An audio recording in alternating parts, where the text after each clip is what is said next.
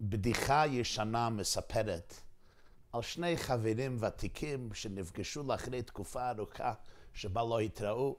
שואל אחד את חברו, איך חיי הנישואין שלך? אז אני אגיד לך את האמת, בהתחלת הנישואין שלנו, אני דיברתי כמעט כל הזמן, ואשתי הקשיבה לי כל הזמן.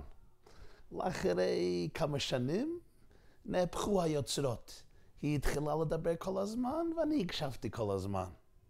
שואל החבר, מה עכשיו? עכשיו כבר עברו 15 שנה, עכשיו שנינו מדברים כל הזמן, והשכנים מקשיבים.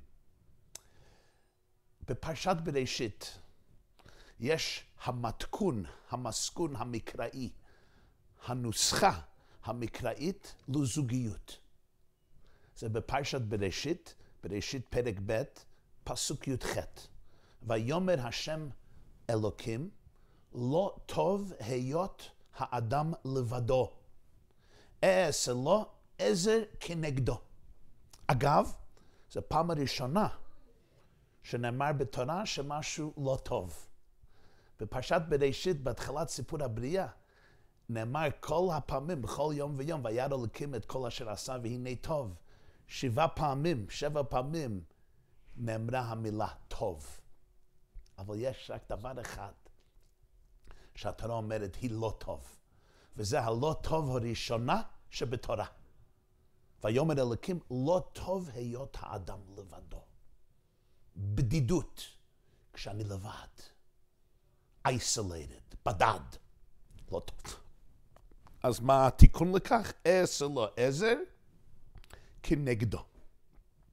ואחר כך מספרת התורה על בריאת חווה, אשתו של אדם הראשון, אבא ואמו הראשונים בהבריאה. כמובן שחכמינו, זיכרונם לברכה, וכל המפרשים, מחפשים הסבר על הביטוי המוזר הזה. אעשה לו עזר כנגדו. זה ההגדרה, זו ההגדרה המקראית לאישה הראשונה בהיסטוריה. לא טוב היות האדם לבדו, לא טוב שהאדם הראשון הוא בודד. נו, מה עושים? יוצרים לו עזר, שיהיה משהו שיעזור. בסדר, שיהיו שותפים בחיי האומה, שותפים בחיי הבריאה, שותפים בחיי משפחה.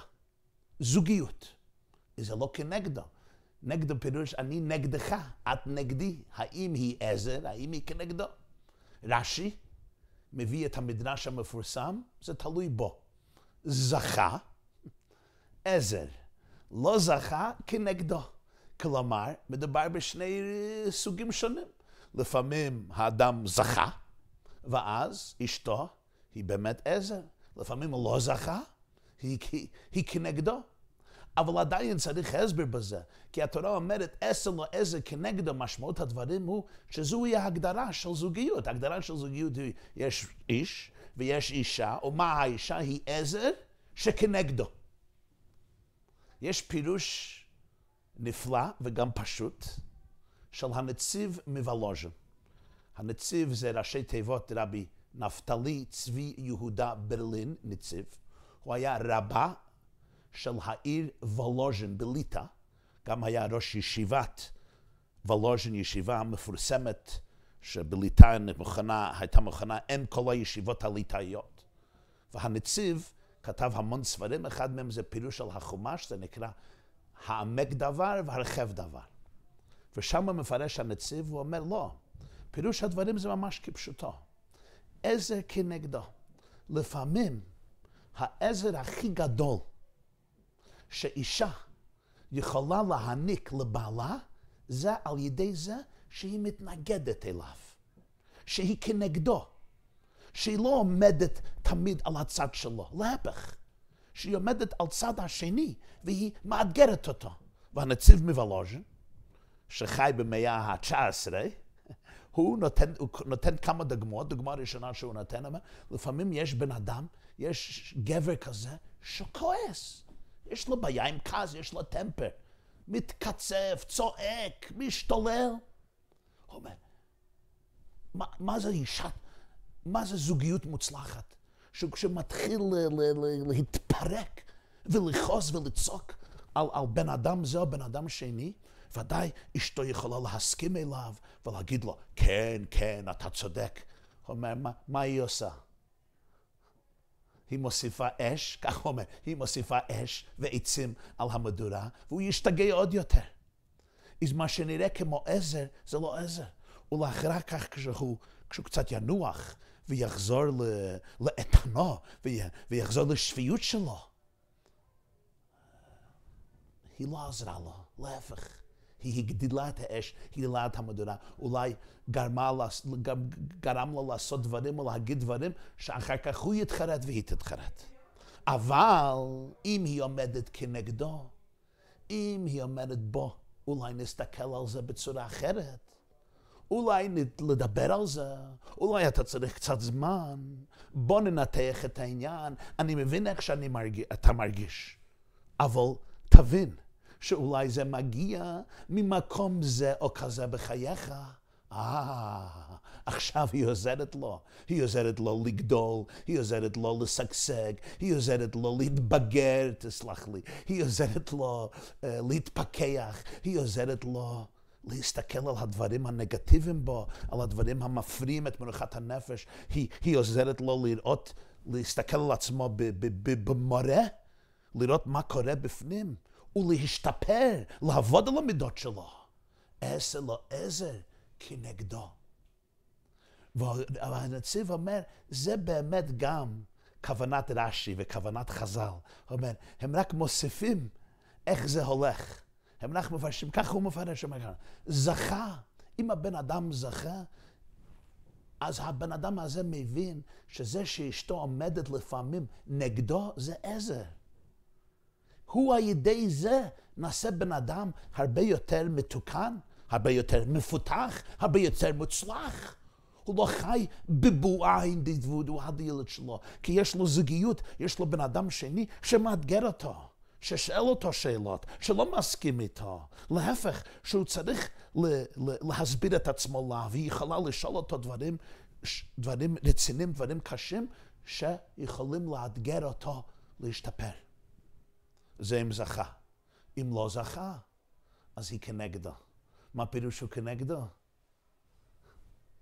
הוא לא זכה, אז הוא משתיק את האישה. הוא לא נותן לה להביא את הדעה השנייה, ואז היא באמת כנגדו. הוא אומר, כי אין כנגדו חזק וחריף יותר מאישה שמסכימה תמיד לבעל שלה, ותמיד עוזר לו. אין, אין מישהו שיותר נגדה. בן אדם צריך את האיזון, את הזוגיות, את הידידות הזו של מישהו שבאמת מאתגר אותי, כי אף אחד מאיתנו לא מושלם בעצמנו. יש גם פירוש um, ששמעתי פעם, זכה, זה מלשון זכות, זה גם מלשון זך, זכות, כמו שמן זית זך, משהו שנזדחך, זכה. לפעמים יש גבר שהוא זכה, הוא זך יותר, הוא עבד על עצמו, הוא מזוכח. הוא לא לוקח את האגו שלו כל כך ברצינות. הוא מבין שלפעמים הוא סובל מפצעים נפשיים, מפצעים רגשיים, וצריך לעבוד על זה. אז באמת זה עזר. הוא חוגג את הנגדיות, הוא חוגג את היחס הזה, שהיא לא מסכימה תמיד איתו. אם הוא לא זכה, אם אני בן אדם לא מזוכח, אז אם אתה חולק איתי, אם את חולקת איתי, אני משתגע. רואים את זה תמיד, רואים את זה לדאבוננו בזוגיות, בזוגיות המון פעמים. יש אישה שהיא לא מסכימה עם הגבר, מה, מה הוא עושה? איך הוא מתייחס? יש גברים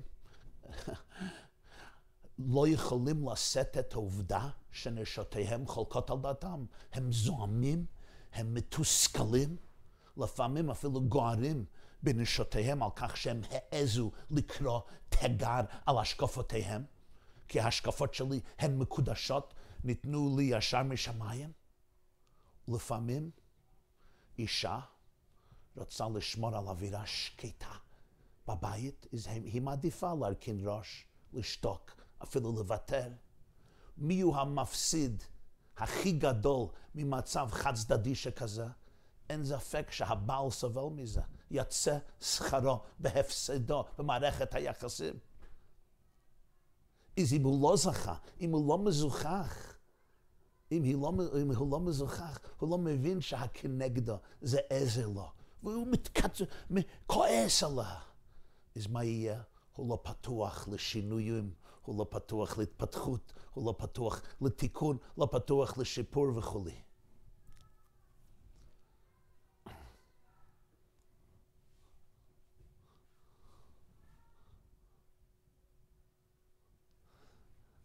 כמובן, הכוונה פה לא שהתורה אומרת שכל אישה מחויבת לחלוק על דתו של הבעל במאה אחוז של מקרים. אבל כולנו, גברים ונשים כאחד, צריכים ללמוד את אמנות הפשרה, והעיקר את אמנות הדו-שיח בינינו. שהגבר יוכל לראות דברים מהמבט של בן, בן זוגו, ושאישה יכולה להסתכל על דברים מהמבט של בעלה, ולדבר על המבט האינדיבידואלי שלהם, כי אין דבר הפוגע יותר בזוגיות פוריה ובריאה מאשר יצירת אקלים שבו על האישה תמיד להסכים עם כל דעה של הבעל, לענות אמן על כל דעה, אפילו אם זה שטות שהוא מביא בבית. להפך, עשר לו עזר כנגדו. בעצם, ניקח את זה צעד עמוק יותר. יש גרסה רווחת בעולם שהדבר הכי רע בזוגיות זה קונפליקטים. כן? קונפליקט, מחלוקת. אבל זה לא פשוט כל כך. וזה מה שאנחנו רואים בפסוק הזה. מי אמר שקונפליקט בזוגיות זה תמיד רע? זה לא פשוט. להפך. התורה אומרת לנו שלפעמים רבות, אם אנחנו מבינים את זה נכון, קונפליקט כנגדו זה הדבר שהכי עוזר לשלום בית ולזוגיות מצלחת. למה? אני משוגע, אני רוצה קונפליקט בכל המקום, אנחנו לא יודעים את החורבן שנגרם על ידי קונפליקט. is, בוא, נסביר את עצמנו קצת באיזה רשע. לא טוב היות האדם לבדו. מה משחרר אותנו בחיים מהבדידות שלנו? אם הבעל מסכים תמיד לאישה, והאישה תמיד מסכימה להבעל, כלומר, הם מדברים רק על הדברים שעל זה הם מסכימים עם ביניהם, אז אף אחד לא יצא מהבדידות שלו או שלה. כי במקומות שאני לא מסכים איתך, ובמקומות שאת לא מסכימה איתי, אנחנו נשארים בודדים. רק אנחנו חכמים, ואנחנו בני, בני אדם טובים ונחמדים ומתוקים, ולא רוצים לריב כל היום וכל הלילה, אז מה? אני שותק על הרבה דברים, אני לא מביא ידיעה, אני לא מביא ידיעה, אני לא מבטא את הרגשים שלי, בהרבה דברים אני מעלים מה שקורה בפנים, אני סוגר את הפה ולפעמים גם הלב, וככה אנחנו חיים לכאורה במצב של שלום. אבל הבדידות קיימת, ואם יש בדידות, יש אכזבה ויש כאב. וזה לא זוגיות שהתורה אומרת שאנחנו יכולים בעזר השם להגיע אליה. אותו דבר עם האישה. אם זו זוגיות ככה שאישה מרגישה שכדי לשמור על שלום בית אנחנו צריכים להסכים על כל דבר, אז מה? כל החלקים שבה, ההרגשים שלה, הסנסציות שלה, המחשבות שלה, הפחדים שלה, מה שמציק לה, כל מה שקורה בתוכה או בתוכו. שהיא יודעת שזה יכול לעורר מריבה ומדון, היא שותקת. אין פה זוגיות. עשר לא עזר כנגד אומר לנו משהו מאוד עמוק. אל תפחד מקונפליקט. להפך, תחגוג את זה. זו ורק זו ההזדמנות לצאת מהבדידות ובאמת להתחבר אחד לשני. צריכים לעשות, לדעת איך לעשות את זה. קונפליקט אין הפירוש, אני צועק עליה. את משוגעת, לא יודעת מה קורה בחיים. להפך, איזה כנגד הפירוש הנגדיות פה יוצר עזר, לא ולה, איך? קונפליקט הכוונה פה זה משהו הרבה יותר עדין והרבה יותר עמוק. שכל אחד נותן מקום לשני באמת לבטא איך הם מרגישים ומסתכלים על החיים. יש מצב בבית. האישה מרגישה משהו שמאוד מלחיץ עליה. האם היא צריכה להיות בודדת? אולי היא יכולה לדבר עם הבעל על מה שקורה בפנים? ואפילו אם הוא ממש לא מסכים. אתה לא מסכים, אתה חושב שזה לא ריאלי, והיא סובלת מדברים שקשורים אבא שלה ואימא שלה וסבא שלה וסבתא שלה, אני יודע מה לדורי דורות. בסדר, אני מבין את זה. אבל אם אתה יכול באמת להקשיב, לשמוע מה שקורה בתוך הלב שלה, בתוך המוח שלו, וליצור מקום לזה.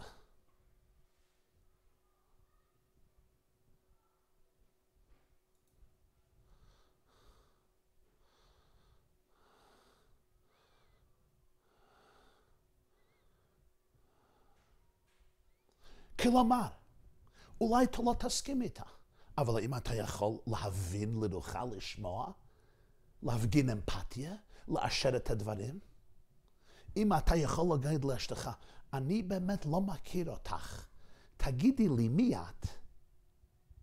לא נוגע עכשיו איך אני מרגיש, אני רוצה לדעת איך את מרגישה. אולי מישהו אמר לה משהו שמאוד כואב לה. לי זה לא כואב, בסדר. אבל אם זה כואב לך, אני רוצה לשמוע על זה, אני רוצה לדעת. אני רוצה לדעת מה קורה בתוך הנפש והלב שלך במצב זה ובמצב זה ובמצב זה. אולי בשבילי זה צחוק, זה בדיחה. או אני עושה כאילו זה צחוק או בדיחה, כי אני צריך להיות גבר, וזה באמת בלוף. אבל אני רוצה לדעת מה קורה, איך אתה חווה את זה. וכן להפך, האישה יכולה ליצור מקום שהגבר יבטא את עצמו, אפילו אם זה משהו שהיא ממש ממש מסתכלת על זה בצורה הפכית. כך הבדידות נחלשת קצת, בלי קונפליקט. אני לא מאשר, אני לא יוצר מקום להבדידות שלך. את לא יוצרת מקום להבדידות שלי, אנחנו יוצרים רק מקום לדברים המשותפים שכבר מסכימים. בלי קונפליקט, אנחנו לא מתחברים בכנות. בלי מחלוקת פירוש, אני לא מראה לך, לך, הריאליות שלי, האמת שלי, הכנות שלי, הכאב שלי. ואת לא מראה לי האמת שלך, הלב שלך. אולי את חוששת שאני אגיד, את baby, את ילדה, מה את עושה משהו? זה נקרא בדידות. איזה כנגדו. האם היא יכולה להגיד משהו שזה באמת נגדו? שאני ממש לא מרגיש ככה. ואז זה עזר, זה כבר דבר יותר עמוק ממה שאומר הנציב, זה צעד שני, רחוק, עמוק יותר. זה לא רק, יש מישהו שלא מסכים איתי, זה טוב לי. זה גם נכון. אני צריך מישהו שיחלץ אותי מהאגו שלי, מהפחדים שלי, זה נכון. אבל יש פה משהו עמוק יותר, משני הצדדים. הנגדיות זה העזר הכי גדול, כי כך אנחנו משחררים אחד את השני מהבדידות. כי אם אנחנו לא זהים ממש, הרי לכל בן אדם יש צדדים שהם מאוד אינדיבידואליים, ואיפה יש בן זוג שהם זהים ממש? ואם אנחנו לא זהים, כמו כל בני זוג בעולם, צריך להיות קונפליקט. כדי שתיתן לנו ההזדמנות להוציא ולשחרר אחד מהשני מהבדידות. כלומר, בדיוק כשאת יכולה לגלות משהו שלא מסתדר איתי, ואני יכול לגלות משהו שלא מסתדר איתך בקלות, זה המקום שאנחנו הכי עוזרים אחד לשני בחיי הזוגיות שלנו. ראיתי פעם רעיון מאוד יפה, היה רבה של תל אביב, הרבה שנים, הרב מוישה אביגדור עמיאל, זיכרונו לברכה, יש את הספר הגאונות עולמי בשעת בראשית, אומר ככה, אומר בתפילין, רואים יש תפילין של ראש ויש תפילין של יד. תפילין של ראש, תראו, יש שם ארבעה בתים. תראו שיש ארבע חלוקות בתפילין של ראש, כי יש ארבע בתים ששם מכניסים פרשה מתורה, ארבע פרשיות, וכל פרשה נכנסת לבית נפרד. תסתכלו על תפילין של יד, תראי זה רק קופסה אחת ויחידה, כי כל ארבע פרשיות נכתבות על קלף אחד ונכנסים לבית אחד. למה? זה מראה דרך לשלום, זה מסכון לשלום בית וזוגיות בריאה, וגם בתוך עצמנו למנוחת הנפש. יש בראש ויש ביד. בראש אפשר להיות הרבה בתים, הרבה חילוקי דעות, הרבה דעות, הרבה השקפות. את חושבת ככה, אני חושב ככה. את מרגישה ככה, אני מרגיש ככה. את מסתכלת על זה ככה, אני מסתכל על זה ככה. את לוקחת את זה ככה, אני לוקח את זה ככה. כמו בתלמוד ובמשנה, היינו עם הרבה מחלוקת. אבל כשמגיע ליד, כשצריכים לבצע, כשמגיע להלכה בפועל ממש, צריך לבוא להסכמה. כלומר, היהדות אומרת לנו, לא אכפת לנו שיש חילוקי דעת, להפך. זה מה שעושה הזוגיות פוריה, בריאה. זה מה שמוציא אותנו מהבדידות שלנו. שאנחנו יכולים לדבר ולהתווכח בכנות ובאינטליגנטיות ובכבוד ובנאמנות ובהערצה. וביחד נחליט, עכשיו מגיע ליעד, צריכים לבצע, מה יהיה הסדר בבית, איפה שולחים הילדים לבית ספר, איפה הולכים לקיץ, איפה הולכים לפסח, מה עושים, מה המצב הבית, מה עושים בזה, מה עושים בזה. עכשיו, ביחד מגיעים למסקנה שזה לוגי וזה ריאלי, וזה באמת הדבר שאנחנו מסכימים יחד שזה הכי טוב לעשות. בעל התניא, רבי שניאר זלמן מיליאדי בספרו תורה אור, לוקח את כל זה למקום אחד, לצד אחד עמוק יותר. אומר, בתנ"ך כשכתוב האדם, זה לא רק האדם הפיזי, זה גם הקדוש ברוך הוא, שמכונה ביחזקאל אדם העליון שיושב על הכיסא. זאת אומרת, לפני בריאת העולם, הקדוש ברוך הוא היה לבד. אתה ראית לדעת כי השם הוא אלוקים, אין עוד מלבדו. היה לבד. איך אומר בפקיד רבי אליעזר, קודם שנברא העולם היה הוא ושמו בלבד. לא היה בריאה, לא היה עולם. אין עוד מלבדו. למה הייתה בריאה? אומר אדמון הזקן בלתניא, הקדוש ברוך הוא אמר ויאמר אלוקים לא טוב היות האדם לבדו. זה לא טוב שהאדם העליון, הקדוש ברוך הוא יהיה לבדו, אין עוד מלבדו. אעשה לו איזה. ומה העזר שהקדוש ברוך הוא יוצר? כנגדו. הוא יוצר עולם מלשון הלם, ששם יש סתירות, ויש ניגודים, ויש חילוקי דעות. ושם יש העלם, העלם, האור האלוקי, הזורם בתוך כל הבריאה, נעלם, לא רואים את זה. או בן אדם באמת צריך לאתגר את עצמו, למצוא את האור. ומתוך החושך, ומתוך הכישלונות, ומתוך הטעויות, אני מתגבר, ואני מוצא את האור האלוקי, אומר, אה, איזה כנגדה, כביכול, העזר הכי גדול שהקדוש ברוך הוא מקבל, זה מה... מה... מהכנגדו. כלומר, אנחנו חיים בעולם. הקדוש ברוך היה יכול לברוא את העולם שהמציאות שלו תהיה ברורה ותהיה גלויה וכולי. אבל זה לא ככה. הקדוש ברוך הוא בחר במתכונת שונה של הבריאה. העולם שנברא מאפיל ומחשיך על האור האלוקי. אני עצמי, אני יכול לחיות את החיים שלי ולא להרגיש את הכוח האלוקי האינסופי שנמצא בתוכי. למה הוא עשה את זה? אומר בעל זה מה שהפסוק אומר. איזה כנגדו. העובדה שהאדם בטבעו חש עצמו כעצמאי, הוא מנותק ממציאות האלוקים. אני כנגדו. זה מה שעושה שהמסע לגילוי האור האלוקי בתוכי, יש בו סיפוק אינסופי. זה משהו מאוד מאוד נפלא. היכולת של בן אדם להתגבר על טבעי החומרי, זה מה שמעניק לבורא העולם הסיפוק וההנאה האולטימטיבי. הרבה יותר אם הוא היה נשאר ספון עם עצמו בבדידות אבסולוטית ומחלטת, היות האדם לבדו. כלומר, מטרת הבריאה זה לא רק ליצור יותר אור, זה להפוך את החושך לאור. זה לקח את הכנגדו ולמצוא שמה את העזר. לקח את הניגודים שבי ואת הסתירות שבי ואת האלימות ואת, ההסת... ואת ההסתרים שבי ושמה למצוא להפך שהם יכולים לעזור לי, שהם יקרבו אותי למציאות האמיתית שלי. אז חברים יקרים, בפעם הבאה שבן או בת זוגכם לא מסכימים בדיוק עם מה שאתם מאמינים, או מה שאתם רוצים, או מה שאתם רואים, או כשאתם מוצאים עצמכם שאתם לא בדיוק מסכימים עם השני או השנייה, מבחינה נפשית, רגשית, לא ליפול מזה. לא תהיה נפילת רוח ודיכאון. אדרבה ואדרבה. דווקא בהתנגדות זו נעוצה הזדמנות ושעת כושר גדולה בעבורכם לחוות את מתכונתה האולטימטיבית של מערכת היחסים ולהפיק ממנה את המירב ואת המיטב, שהזוגיות תהיה בשיא השלמות והשמחה.